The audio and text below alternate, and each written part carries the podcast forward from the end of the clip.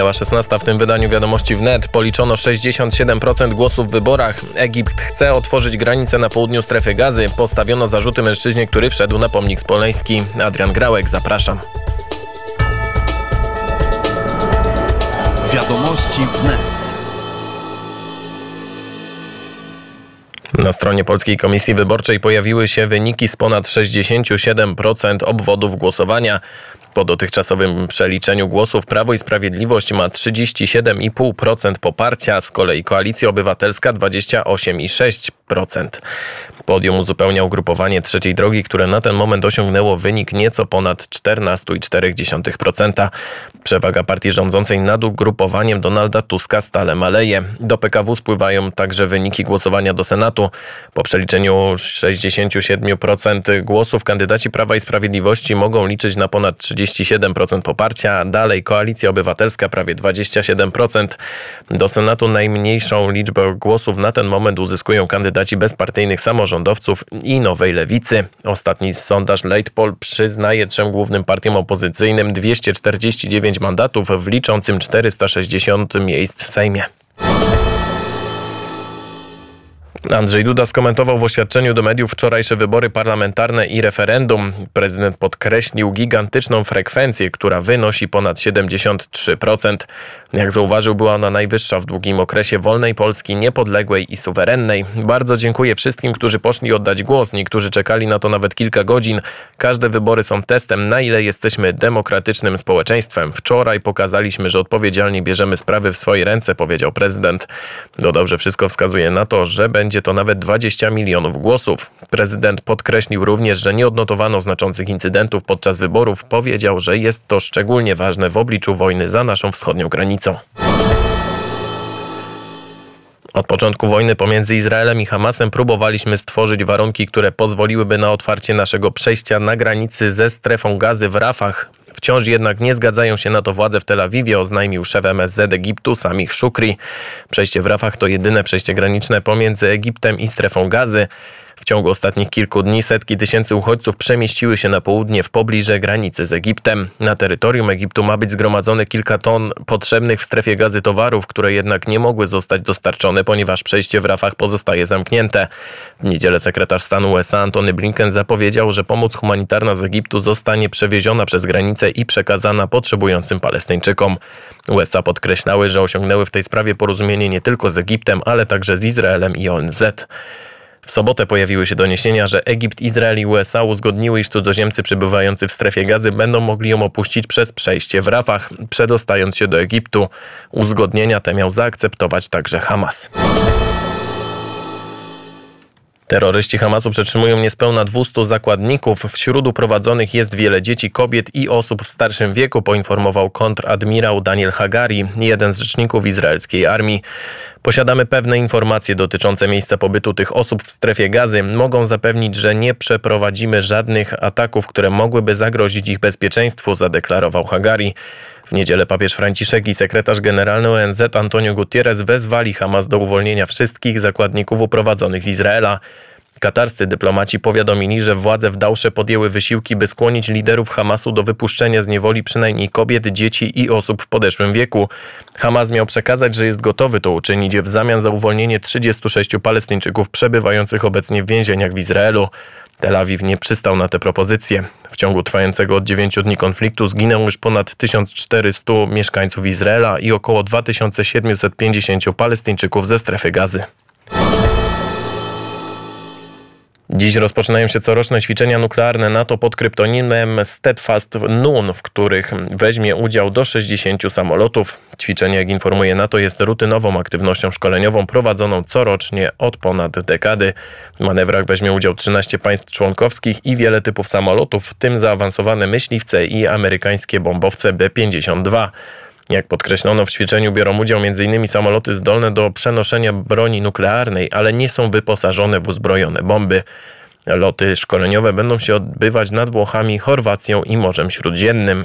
NATO zaznacza, że ćwiczenia nie są związane z bieżącymi wydarzeniami na świecie, a większość szkolenia odbywa się co najmniej 1000 km od granicy Rosji. Ćwiczenia mają potrwać do 26 października. Rzecznik prokuratury okręgowej w Warszawie, prokurator Szymon Banna, przekazał, że mężczyzna, który w sobotę wszedł na pomnik smoleński, usłyszał zarzut i został objęty policyjnym dozorem.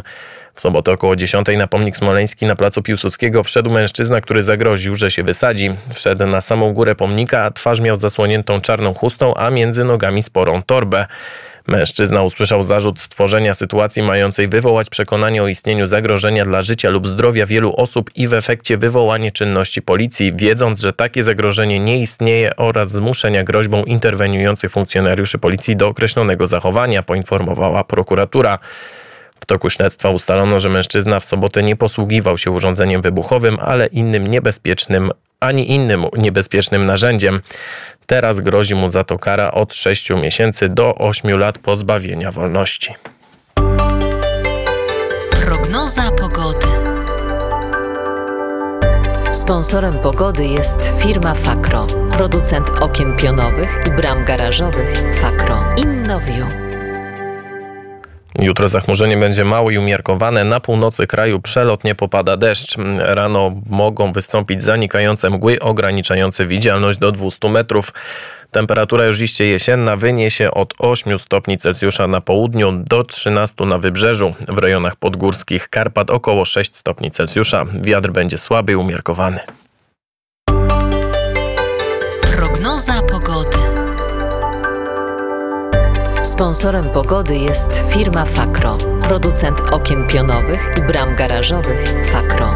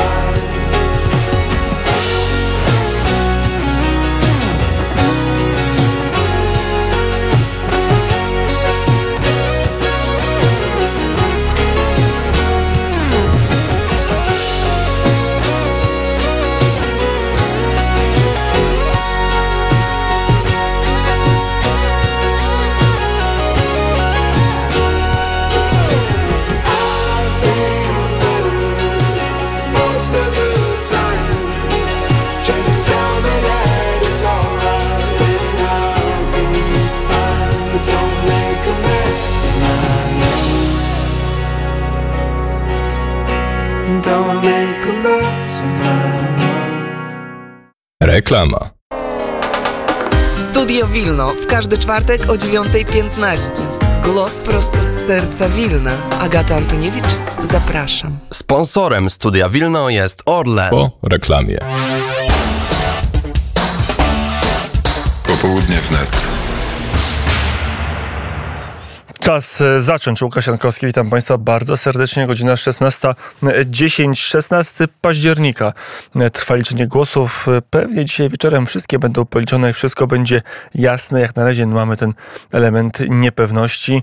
Mm, zobaczymy, jaka jest pewność albo niepewność w Konfederacji, bo teraz naszym gościem Krzysztof Tuduj, poseł tej partii i lider dolnośląskiej, wrocławskiej listy Konfederacji. Dzień dobry, panie pośle. Dzień dobry panu, dzień dobry państwu, kłaniam się. E, trwają, nie wiem rozliczenia, ale trwa zrozumienie wyniku Konfederacji. Partia, która jeszcze parę tygodni temu miała mieć 15%, miała wywrócić stolik, ląduje jako ostatnia z poparciem mniej więcej 7%. Być może z klubem, czyli z 15 posłów, a być może tylko znowu z kołem, może 14 posłów, to jeszcze się w tej chwili waży. Co się właściwie stało z Konfederacją w ostatniej fazie kampanii wyborczej? No, Konfederacja, trudno powiedzieć, żeby zdobyła sukces wyborczy, ale też trudno powiedzieć, żeby to była porażka. Mamy e, sytuację taką, że mamy powolny progres, powolny przyrost e, w liczbie posłów. No zobaczymy na czym stanie, bo rzeczywiście na ten moment zdaje się, że około 70% e, głosów zostało policzonych. No to jest oczywiście bardzo dużo i już większość wiemy, ale nie wiemy jeszcze, jak dokładnie kształtuje się linia e, mandatów w niektórych okręgach.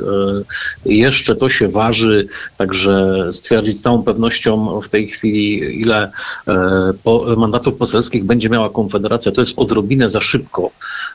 No, Komisja Państwowa Wyborcza jutro ma ogłosić wyniki końcowe, wiążące te ostateczne, więc cierpliwie i pokornie czekamy na werdykt, na werdykt wyborców, na werdykt tutaj mm, naszych wyborów. E, no tak, rzeczywiście, rzeczywiście przez wiele tygodni Konfederacja miała zwyżki e, sondażowe. E, ten wynik się na kilkunastu procentach utrzymywał. My się zdążyliśmy do tego przyzwyczaić, traktując trochę, my, mówię, wszyscy opinia publiczna, jak, jakby to był pewnik, a jednocześnie stare powiedzenie, stare powiedzenie polityków, że liczy się tak naprawdę jeden sondaż i to jest ten, ten wyborczy, ten najprawdziwszy. E, tutaj się sprawdza. E, wygląda to troszkę inaczej. No dobrze, ale pan powiedział, nie ma sukcesu, nie ma porażki. No jeżeli w tym tempie będzie ten stolik wywracać, to wam to zajmie tak długo, że pan poseł nie dożyje momentu wywrócenia z sondażu. Biologia jest nieubłagana. Będziecie co pół procenta skakać co wybory, no to, to długo wam to zajmie. Przejmowanie władzy w Polsce. Są już pewne, nie wiem czy rozliczenia, jak powiedziałem, ale pewne sugestie. Janusz Korwin-Mikke mówi, dlatego był tak słaby wynik jego zdaniem, bo e, że się się upodobnili do innych partii i chowaliście go oraz Grzegorza Brauna do, do szafy przysłowiowej i stąd ten wynik, a, a pana zdaniem co się wydarzyło? Tak szczerze, jeżeli możemy szczerze porozmawiać? No zawsze szczerze, panie redaktorze. Tylko szczerość się broni. E, nie no, z tą opinią e, Janusza Korwina się nie zgadzam e, i co więcej, nie zgadzają się z tą opinią wyborcy, bo mamy do czynienia z szalenie ciekawą sytuacją. E, mianowicie e, no, wszystko wskazuje na to, że e, pan Janusz nie, nie osiągnie reelekcji. To znaczy jest Przegra niezwykle... z Kariną Bosak. tak, i to dość niezwykle wyraźnie. Dobry, jest niezwykle dobry wynik Kariny Bosak, startującej z drugiego miejsca. I no co tu dużo mówić, trzeba to powiedzieć wprost. Myślę, że w dużym stopniu kobiety e, stanęły e, i, zabrały głos w tej, e, w tej kwestii, stawiając na, na panią Karinę Bosak. Także zdaje się, że wszyscy uważają inaczej niż, niż pan Janusz. Mm, wszyscy mają inne zdanie, czyli że to nie to schowanie, czyli e, Konfederacja. Też Krzysztof, e, e, też Sławomir Mencen powiedział, że to jest jego osobista porażka. Jest pytanie, no nie wiem, czy może za bardzo było, jak to opisał kiedyś na łamach tygodnika sieci Jan Rokita, filozofii XD, czyli filozofii robienia y, kampanii trochę dla beki tak zwanej, mówiąc językiem młodzieżowym, już takiej mojej młodzieży, no ale jednak ciągle. Mm, jak to jest, zabrakło wam powagi?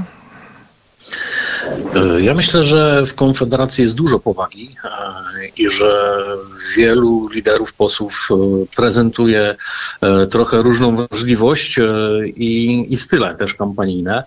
E, no, co do, co do wypowiedzi e, pana Sławomira Mencena, no to jakby to, to jest jego wypowiedź, mi to trudno oceniać, jak on tam się, się z tym czuje. E, natomiast... Jako osobistą porażkę i rzeczywiście jakby, jakby coś, coś nie zagrało. Pytanie, czy, czy to jest tak, że, no bo wprost, Konfederacja szła na dwóch nogach. Nodze narodowej, która bardziej skłania się ku wartościom i nodze tej nowej nadziei, czyli bardzo mocno wolnościowej, gospodarczej, z raczej schowanymi wartościami, chociaż też obecnymi, bo so, jakby ktoś słuchał wyraźnie sobie Mencenton, te poglądy konserwatywne ma dość wyraźne i dość mocne, no ale e, eksponowana była ta noga wolność, wolnościowa.